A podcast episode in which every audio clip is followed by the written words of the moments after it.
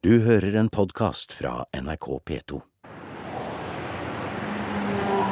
Vi tar The Baltimore-Washington Parkway, en firefelts motorvei som går nordvestover fra den amerikanske hovedstaden. Vi kjører gjennom flotte boligområder, skoger og enger, og tar av ved et exit-skilt som uten noen form for hemmelighold forteller at her er NSAs hovedkvarter. Snart kommer en enorm kontorblokk til syne, med hundrevis av biler på parkeringsplassen. Der inne banker selve hjertet i amerikansk etterretning. Men vi kjører litt til, forbi tre utstilte militærfly i en liten park, og forbi en bensinstasjon. Der stanser vi. Foran et nedlagt motell. This is Fort Meade, just outside of Washington, D.C., in suburban Maryland. It is the headquarters of the NSA, the National Security Agency. Vi har kommet til The National Cryptological Museum, hvor vi til og med har fått en enkel sikkerhetsklarering for å komme på reportasjebesøk med mikrofon. Kommer man som vanlig turist, er alle velkomne til dette som er verdens eneste offisielle etterretningsmuseum. All right, now this is an authentic Enigma device. You look at the setting for the day, and. Det er lederen for museet, kurator Patrick Weedon, som entusiastisk tar imot. Her er han i full gang med å demonstrere en autentisk tysk enigma-kodemaskin fra annen verdenskrig. Okay.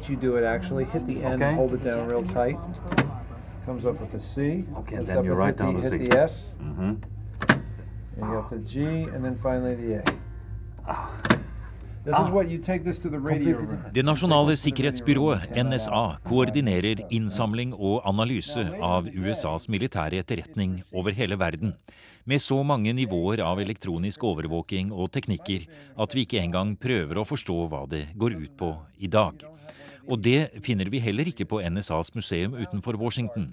Gjenstandene og dokumentene her starter med den amerikanske borgerkrigen og fortsetter gjennom de to verdenskrigene og den kalde krigen, til Korea og Vietnam. Museet åpnet i 1992, og det var i seg selv en helt ny måte å tenke åpenhet på, sier Patrick Whedon. You know, you It's not so much the buildings as the work that is critical and, and, and needs to be protected. Uh, and because of that, um, people still refer to our organization as no such agency, uh, never say anything. Uh, you go right down the line. Now, that has changed a lot since the 1950s and 60s when we came into existence. The perspective is different, the approach is different, but at the end of the day, it remains critical that uh, sources and methods and the critical information that's gathered by the agency uh, has to be protected because not only are national interests at stake, but lives are at stake. In peacetime, uh, the mission of the agency is critical. In wartime, it is even more vital because we have people out there in harm's way. So you are correct that on the one hand, it seems ironic because you have this secret organization that does secret work. Well, my God, look at all these buildings, look at all these people, look at all these cars. Well, that's unavoidable. That's part of the real world. Uh, but on the other hand, the work that's done and the things that they're trying to accomplish, those need to be protected because if they're not, it kind of defeats the purpose of the whole organization. Grunnen til at vi er her, ligger litt lenger inne i det ombygde motellet. This again is where people checked in. There would have been banquet halls over here, the restaurant, the peop place where people checked in. Um, and now it's the Cold War and the and- Vietnam and War. Now, and now it's uh, the history of cryptology. So Yeah. it's funny, you know, uh, uh, it's it's interesting. But it Vi vil gjerne at kurator Patrick Whedon skal Uh, vise oss avdelingen for den kalde krigen. For der ligger det en bit fra det berømte U-2-flyet som var på vei til Bodø.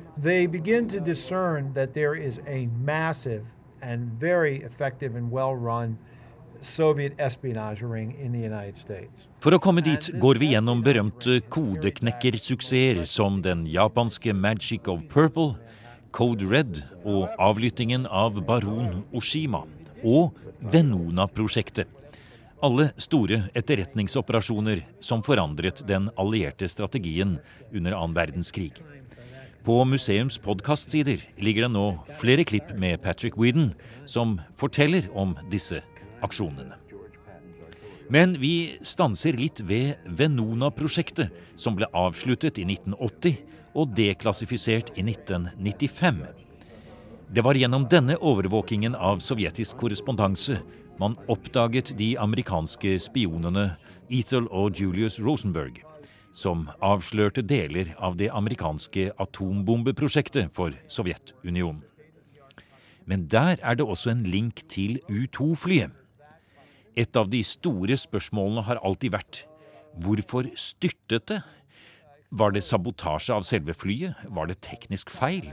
Eller var det rett og slett at russernes SA-2-raketter var mer avanserte enn det amerikanerne visste? Some people believe the only reason that the U 2 got shot down, which we're going to talk about later, is because the Russians had been given a highly uh, developed uh, plan for a state of the art proximity fuse by Julius Rosenberg. And it was that proximity fuse that allowed the missile to get up high enough to uh, explode, thus knocking powers out of the sky. Now, that's a theory. But the bottom line I forrige museum fortalte generalmajor Kjell Utnes om selve nedskytingen av Powers den 1. mai 1960. Og da var det nettopp en proximity fuse, en teknisk innretning som får ladningen til å gå av i nærheten av målet, uten direkte treff, som sto sentralt i hendelsesforløpet. Så fikk de da et fly som ingen av utoflyverne likte. For de hadde feil, det fløy skeivt, og autopiloten hadde sviktet, og det var problemer med, med overføring av drivstoff bl.a. Til tre og en halv time, rett før han kom til Sverdlov, så kuttet autopiloten ut. Og rett etter han passerte det målområdet, den eh, flyplassen han skulle ha ved Sverdlovsk, og de industrianleggene, så svingte han vestover. Da smalt det bak ham. Han så et lynglimt, og så ble flyet skjøvet fremover. Han ble kastet fremover. Og så falt høyre vingen ned. Og Han plukket opp den med kontrollstikken. og Så prøvde han å løfte nesen, som også var eh, kommet eh, nedover. var faretruende nedover, Men det greide han ikke. Han hadde mistet kontrollen. Han klarte ikke å løfte den. Så det var ikke noe direkte treff her, altså? Nei, det er både amerikanerne og russerne enige om at det var ikke det. Men eh, denne sprengladningen hadde en nærhetsbrannrør som utløste seg når det var i nærheten av målområdet. Og det, det utløste da mens det var bak. Husk på Francis Gary Powell hadde nettopp snudd flyet 90 grader til venstre. Og det gjorde nok at eh, denne raketten da passerte bak. Og idet han passerte bak, så utløste en nærhetsbrannrør eksplosjon, som da ødela halen og brakte flyet ned. Om en liten stund skal vi tilbake til NSAs museum i Washington og høre om de forskjellige dekkhistoriene som fulgte i dagene etter nedskytingen. Men la oss høre litt mer om hva som skjedde i Sverdlovsk i Sovjetunionen på denne dagen som skrev seg inn i den kalde krigens verdenshistorie. Det har vært en voldsom ildgivning fra bakke til luftbatteriene. Flere MIG-fly er sendt opp, ett med ordre om å styrte inn i U-2. Og husk på det, sier generalmajor Kjell Utnes, dette er jo midt på blanke formiddagen den 1. mai av alle dager. Khrusjtsjov sto jo på militærparaden i Moskva. Og mens han sto der og så, på paraden komme forbi, så ble han informert om at U-2 var skutt ned. Og når eh, Han prøvde Francis Gary Power i fallskjermen og den første tiden han var der, også uskadeliggjøre noe av kartene sine og noe av eh, det kompromitterende eh, han hadde med seg. Men han ble jo møtt av noen eh, bønder på jordet der. Og de var egentlig vennlig innstilt for han, men de skjønte jo snart at han ikke snakket språket. Og de peker også opp i, eh, i luftrommet. Han er ikke klar over det, men da er det dette andre flymaskinen, denne Migen, som også faller ned i, på avstand, på, men innenfor syns, synsvidde. Slik at det, det, var en stor opplevelse for de som var ute på markene der. Ja, for de bøndene de tror at det er en av sine egne? da. Ja, det tror de. Men etter hvert så, så oppdager de at han kan jo ikke snakke språket og forstår ikke hva de sier til han. Og så tilkaller de da politiet og KGB. Og Gary Powers han blir da arrestert og ført i, eh, til avhør, vil jeg tro. Ja, det blir først et, et lokalt avhør, men han blir ganske raskt ført til Moskva og til hovedkvarteret til eh, KGB. Eh, og som du har fortalt, Lutnes, så vet jo Khrusjtsjov om dette nå der han står på Den røde plass og har fått sikkert eh, beskjed her om at dette har skjedd. Han må vel sikkert være fornøyd med det, vil jeg tro. Eh, vet vi noe om eh, han selv tok kontakt med Gary Powers på noe tidspunkt? Nei, han gjorde ikke det. og Så vidt jeg kjenner til, så, så var det aldri direkte kontakt med, med Khrusjtsjov og, og Powers. Eh, men han spilte jo en veldig flott eh, propaganda, spilte kortene sine veldig godt da i forbindelse med den nedskytingen. Ja, for eh, vi må jo nå passe på å si at på flyplassen i Bodø på dette tidspunkt, så er det jo da et helt amerikansk crew som står der og venter på å ta imot dette U2-flyet som aldri kommer. Ja, i Bodø så, så sitter jo da flyveren, Martin Knutson, som skulle fly tilbake til Tyrkia, han sitter klar. Og når flyet var ventet inn, så begynte han å puste rent oksygen. De måtte puste det i minimum to timer for å klargjøre kroppen for disse store høydene. I tillegg er jo eh, detasjementet med Stan Bailey som CIA-sjef klar. Og det er også eh, Selmer Nilsen klar på sin eh, lille Sin vante plass? Ja, sin vante plass ja. med, med, sin kikkert og sin radio. Men hva med det vanlige eh, besetningen på flyplassen der? Var de til stede? Eh, fra norsk side så var det nok veldig få som var til stede om det, bortsett fra noen få steder, som eh, Just Ebbesen og eh, Tufte Johnsen. Ja, for Jeg har også hørt noen ha sagt at det var sånn at amerikanerne ga litt på en måte beskjed om at de trengte ikke så mange rundt seg akkurat da. Ja, Det er helt riktig. og Just Ebbesen, som da var operasjonsgruppesjef, han pleide også besøke folk i tårnet, ringe opp i tårnet at nå kunne de forlate tårnet for nå hadde de operasjoner som ikke de burde se. Og prøvde å fjerne så mange som mulig. Til og med folk på brann- og havaristasjonen fikk beskjed om at det var hvil, det var ikke noe flyving som, som foregikk, så de kunne ha trukket tilbake og ta en kopp kaffe. Mm. Da kom eller tok U2 av. Nettopp. Og Det er jo underlig å tenke på Lutnes, at uh, mens da Gary Power står på bakken i Russland, i Sverdlovsk-området, så sitter de altså i Bodø og venter. Og de vet ingenting. Men Khrusjtsjov uh, på dette tidspunktet vet jo da mer enn uh, de gjør, faktisk. For det tar, skal jo ta noen timer før flyet egentlig skal komme. Og når oppdager de da at det er noe galt? Ja, Den sannsynligvis første på denne siden av jernteppet som, som er klar over at flyet ikke kommer, sannsynligvis Selmer Nilsen som via sin radiokontakt med russerne får beskjed at det flyet han venter på, kommer ikke. Så han pakker sammen og går da tilbake til sin leilighet i Bodø. Og så begynner da tiden å renne ut. Han skulle ha vært her, han skulle ha landet blant amerikanere som sitter og, og venter der. Og ikke kan uh, Martin Knutsen slutte å puste inn oksygen. Han må fortsette. Det er ennå noe tid igjen. Men til slutt så, så er det ingen vei tilbake. Det har skjedd et eller annet.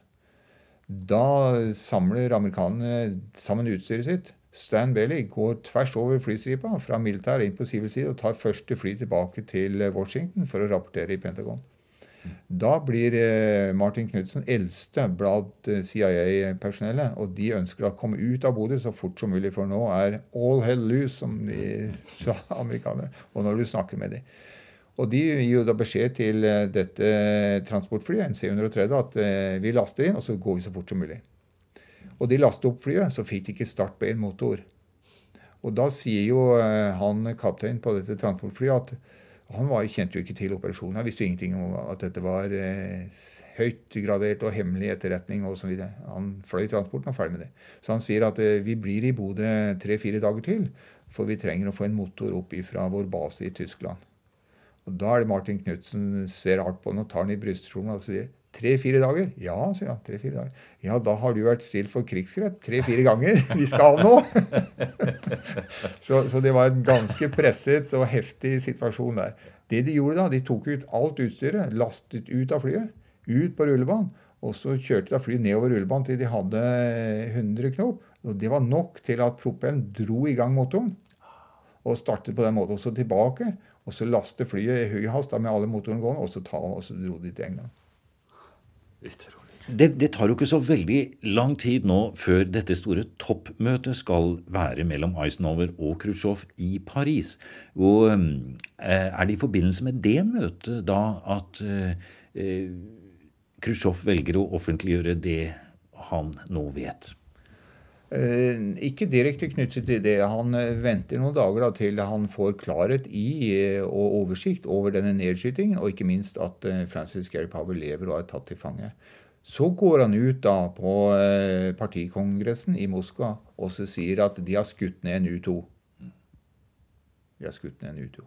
Og så får du da den amerikanske reaksjonen som er basert på at de hadde ikke tenkt gjennom dette. Hva skulle de si? Og da fortalte de videre det de hadde startet med som dekkhistorie, at dette var et værobservasjonsfly.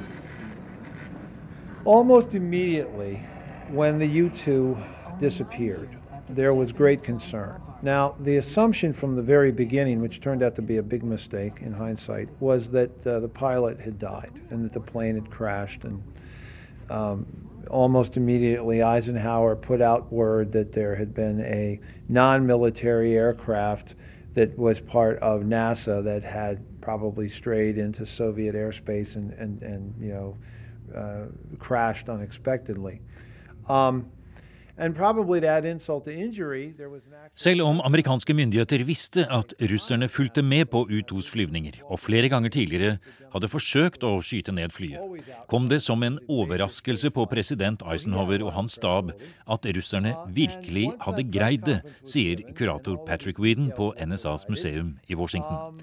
Dekkhistorien var for dårlig gjennomtenkt og falt bokstavelig talt til bakken i hele verdens opinion. And Khrushchev originally let it be known that they had uh, recovered the wreckage of a plane, thus letting the United States know that the U 2 had indeed crashed.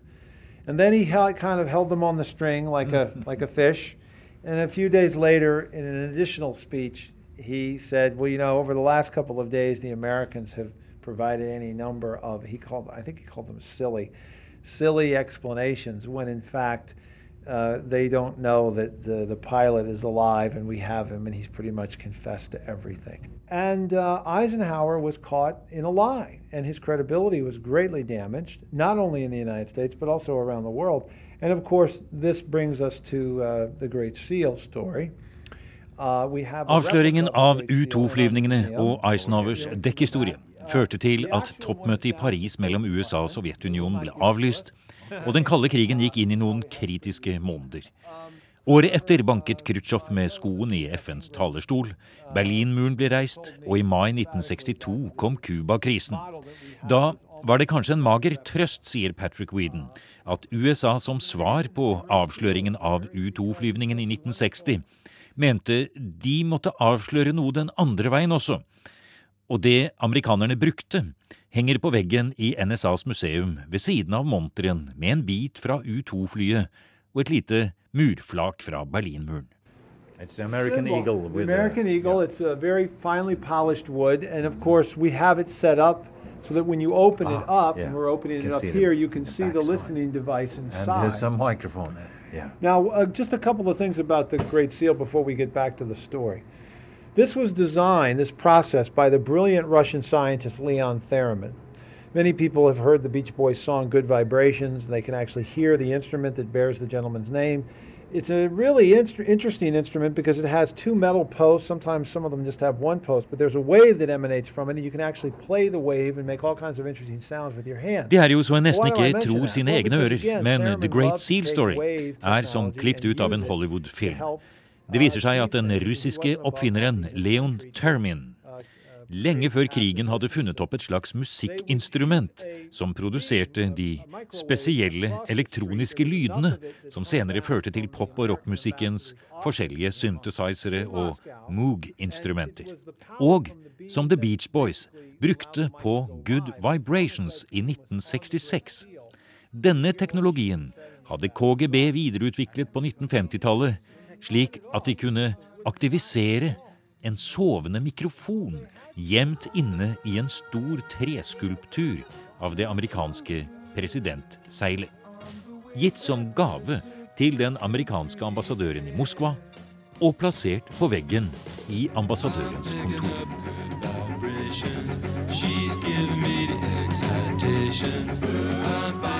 Og ute på parkeringsplassen sto en varebil fra KGB med en elektrothermin som sendte, om ikke good vibrations, så i hvert fall lydbølger inn gjennom vinduet til ambassadøren.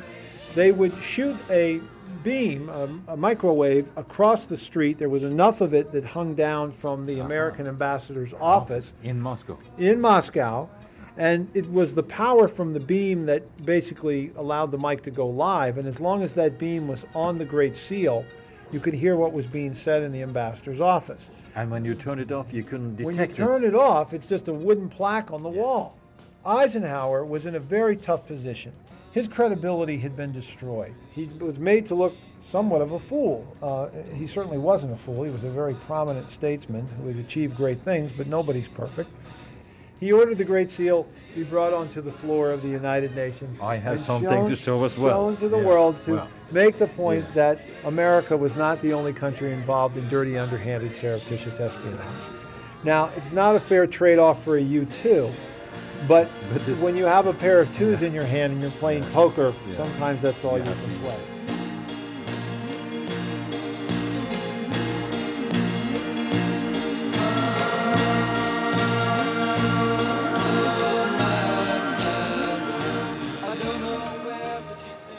Det på Bodø flyplass eh, iblant landet allierte fly.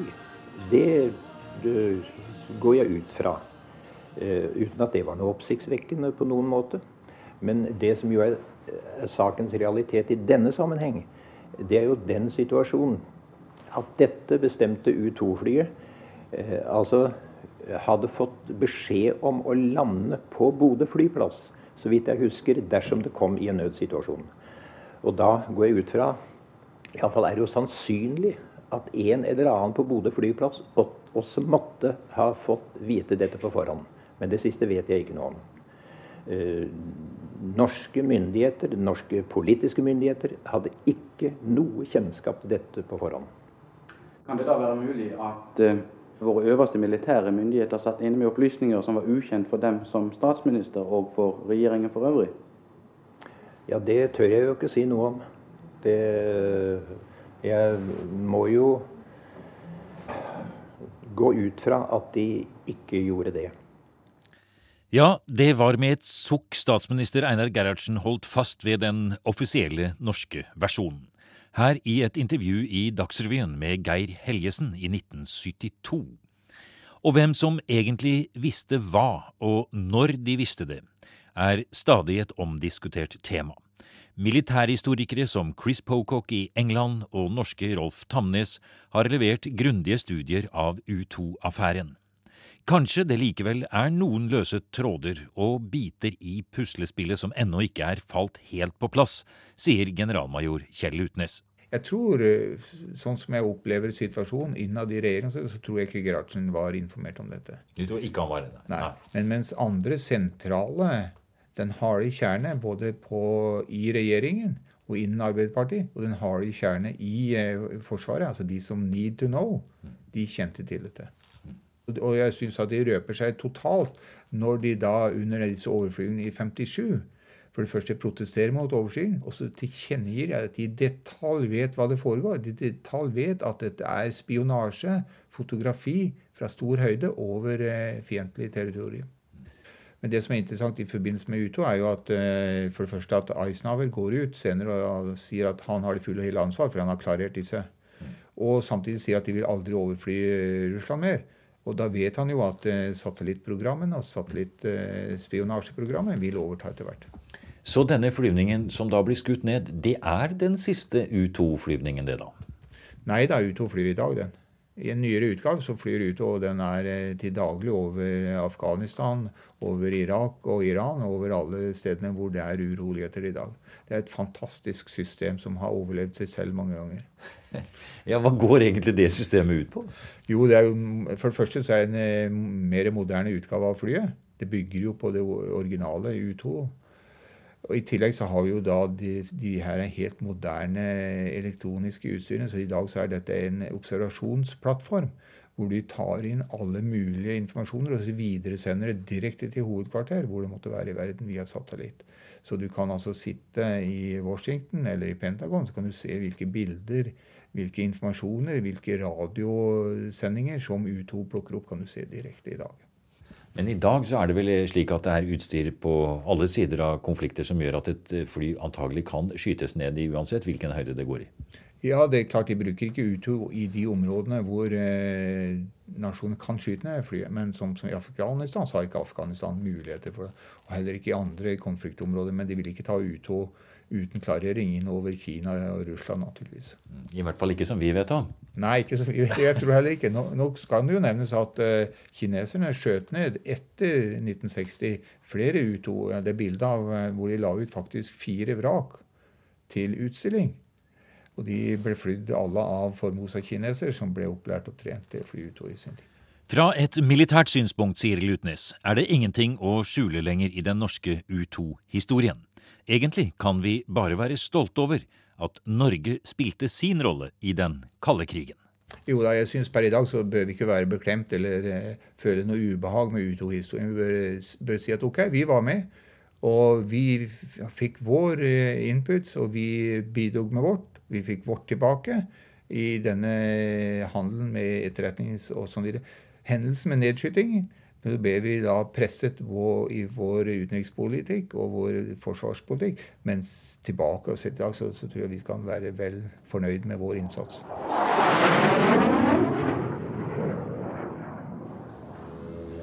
Du har nå hørt en podkast av programmet Museum fra NRK P2. Og send gjerne en e-post til museum krøllalfa nrk.no.